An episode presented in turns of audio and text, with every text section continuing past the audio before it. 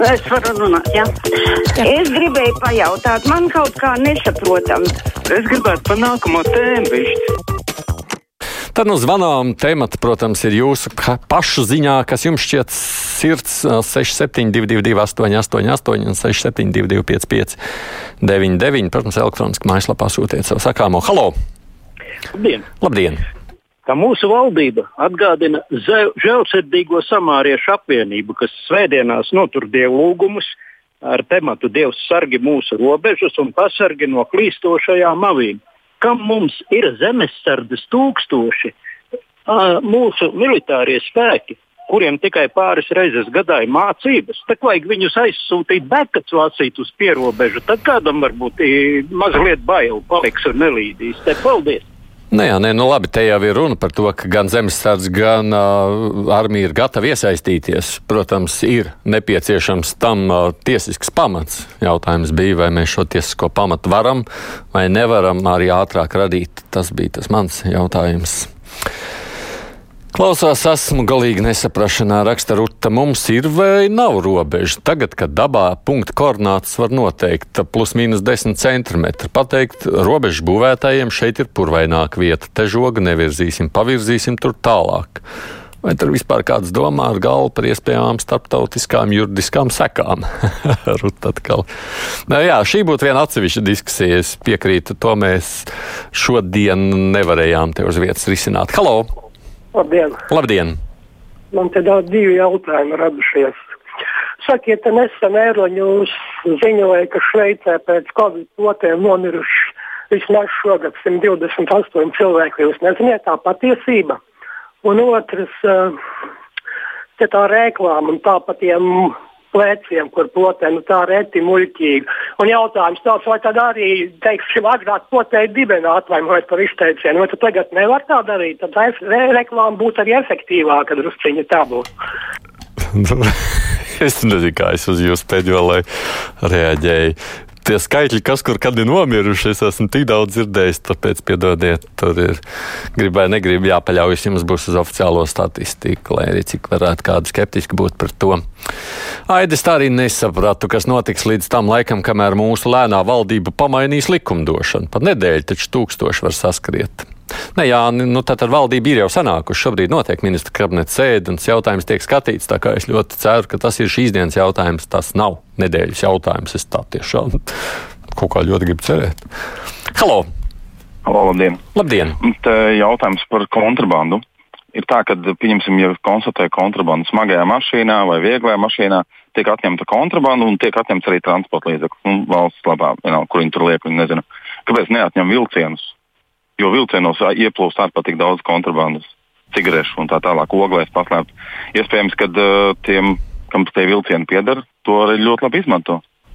Mm vilciens jau nepiedara. Vilcienu jau tajā brīdī izīrē vai iznomāja, pareizāk sakot, pārvadājums izīrē. Mums jau lielākoties, nu kā Latvijā vispār ir Latvijas dzelzceļš šobrīd. Mums ir viens Latvijas dzelzceļš, kurš piedara valstī, kam jūs tur grasāties, kā labā tādā situācijā to vagonu konfiscēt.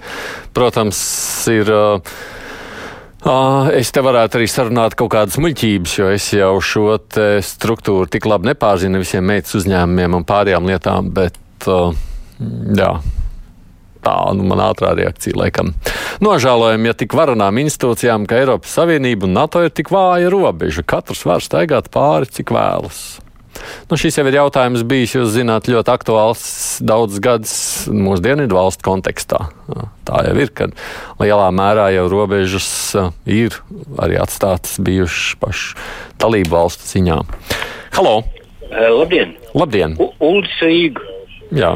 Kā zināms, propagandisti plaši izmanto demagoģiju un puspatiesības. Nu, piemēram, puspatiesību piemēru. Kaņu un Pauļu vēlētājs nemaz nezina, ka Zviedrijā, kur ir laba epidemioloģiskā situācija, neviena diena nav bijusi obligāta masku nēsāšana. Ka vairāk nekā 20 ASV štatos, kur pagājušo vasaru gubernatori un mēri neatbalstīja laupīšanas un redzināšanas, jāatcelt visi ierobežojumi. Tur ir normāli dzīve, aktīva saimnieciskā darbība. Un uz to ir mūku demokrāti nomocītais biznesa un pilsoņi. Šodien skatījos CNN, kā tur tā situācija daudzos štatos veidojas tāda, ka nav vairs atkal gultas vietas. Es jau nezinu, ko jūs zināt, ko jūs nezināt. Protams, es priecātos arī par Zviedru sociālo atbildīgumu, vismaz lai Latvijā būtu tik liels atbildīgums kā Zviedrijā. Bet, ja jūs zināt, tad mirušo skaitlis tajā iepriekšējā vilnī bija krietni, krietni lielāks nekā tas ir bijis mūsu valstī. Tā kā ar proporcionālā ziņā kā viss jau ir droši vien. Uh, nu, Es vispār domāju par mūsu atbildības līmeni, kāds ir Latvijā. Nezinu, braucot sabiedriskajā, man ir diezgan bēdīgs ainas reizēm liekas. Dīvaini jau ir, ka arvien vairāk hibrīda bēgļu nosargā paši iedzīvotāji, paziņojot robežsargiem. Robeža ir tik plika, Guns par to bēdājas. Halo! Sveicināti! Sveicināti! Es arī gribēju mazliet izteikties par to šo, pēc šodienas intervijas. Nu, mazliet skumji palika. Vispār es tāds pozitīvāks cilvēks, bet kad jūs mēģinājāt pašā sākumā prasīt, nu, bet kad, nu, bet kas, nu, bet ko. Un uh, tad tas cilvēks, kas runāja otrais, es saprotu, arī deputāts. Nu, jēzi, viss tās atbildes tādai amatpersonai, parlamentārais, laikam, sekretārs. Mēs esam smagi strādājuši, mēs esam bijuši divās sēdēs, mēs esam smagi apzinājuši. Jūs pareizi sakat, nu, pagaidi, mīlīši, mēnesis, mēnesis laika.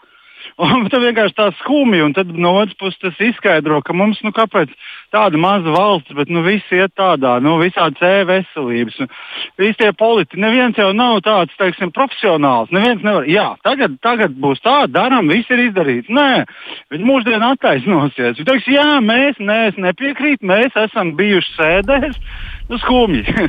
jūs esat vērīgs klausītājs, tāds mans komentārs, domājot par to, ko jūs teicāt. Edmunds raksta reāli brīnos par valdības nespēju prognozēt. Migrantu problēma, vājās robežas Eiropas Savienībā ir desmit gadus veca problēma. Pārsvarā tā izpaudās dienvidu valstīs jūras ceļu dēļ. Tiešām nevarēja prognozēt, ka robežai ar naidīgām valstīm jābūt kaut kam vairāk par uzārtu vagu, kur vienīgais traktorists paņēmis ir slimības lapu. Edmunds tik skarbs. Halo! Labdien! Labdien! Es gribēju pateikt par to, kādēļ visu laiku Latvijas valstī ir jāgaida par to, ka būs Eiropas Savienības kaut kāda palīdzība, robeža aiztaisīt Amerikas kaut kāda sankciju palīdzību. Priekš kam mums visu laiku tagad? Kādēļ mēs nevaram pieņemt pašu lēmumu un izdarīt tas, kas mums jādara? Ja no turienes nāk problēma, tad tā problēma jārisina, nevis jāgaida, kad mums nāks kāds palīgā. Kaut kas jau arī tiek risināts. Man kolēģis saka, tas ir naudas jautājums, un, protams, ir gan viens, gan otrs. Nu, es ceru, ka šī lieta mums rāda, ka mēs varētu tomēr būt citādi nekā esam. Muļķīgi vainot valsts kontroli problēmās pie austrumu robežas. Paši politiķi ar ierēdniecību ir vainīgi pie visādiem muļķīgiem likumiem un iespējamībā, nespējībā norganizēt normāls iepirkums. Tā saka, arī neapšaubām pievēršot vienai svarīgai lietai uzmanību. Savukārt gads raksta, nebūsim taču naivi. Žogu pa galvu, pa kaklu neuzbūvēs. Nav mums neviens ar burvju nūjiņu, kurš uzbūr žogu tādā ātrumā. Nu, tāpēc jau es prasīju, cik šis žoga jautājums šajā brīdī ir risinājums. Tas ir droši vien tālāk termiņa risinājums, ne ātrais. Halo! Sveiki, labdien! Sveika, labdien! Nu, es tomēr gribu pazvanīt par to līniju raidījumu. Labāk piezvaniet.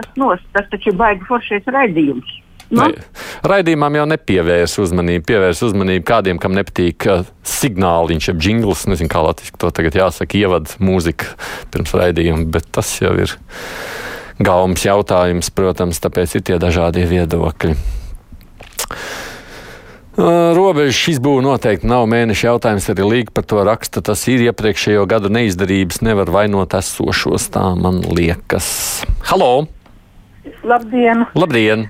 Es vēlētos parunāties par šādu jautājumu. Vakar es vairākas stundas tieso pārraidi no Baltkrievijas skatījos, kā Lukašenko ārdījās, kā visu Eiropas Savienību, kā lai saka, BBC žurnālistus un pārējos Eiropas, kā saka, arī žurnālistus nolika melnākus par zemi. Viņš vispār draudēja absolūti visām valstīm, Lietuvai, Latvijai, Polijai.